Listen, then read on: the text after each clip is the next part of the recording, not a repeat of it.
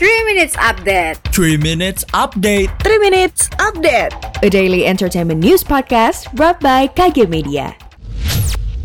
Somi akan comeback dengan album XOXO Anji bebas setelah 4 bulan direhabilitasi. Dan Indro Warkop main film Pintu Surga Terakhir.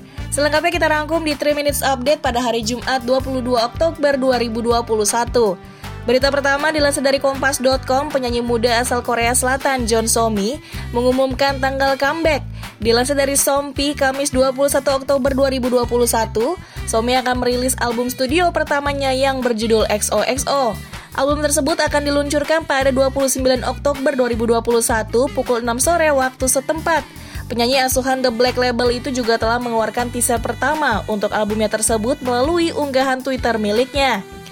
Masih dilansir dari kompas.com, musisi Erdian Aji Prihartanto atau Anji akhirnya sudah menghirup udara bebas usai menjalani rehabilitasi di Rumah Sakit Ketergantungan Obat atau RSKO Cibubur, Jakarta Timur.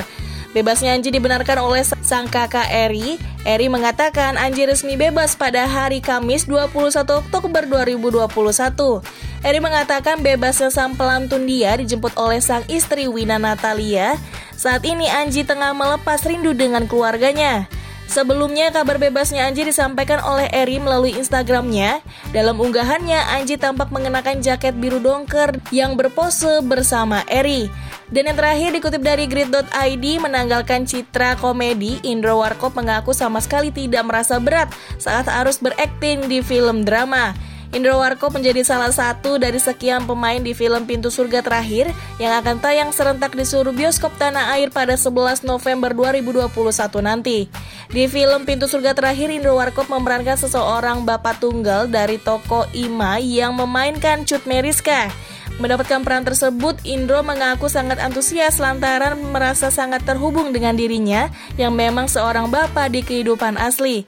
Walau bergenre drama, aktor 63 tahun ini pun tidak merasa berat harus menanggalkan citra film komedi yang biasa ia mainkan.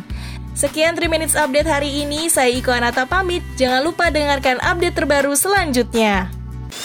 3 Minutes Update. 3 Minutes Update. 3 Minutes Update. A daily entertainment news podcast brought by KG Media.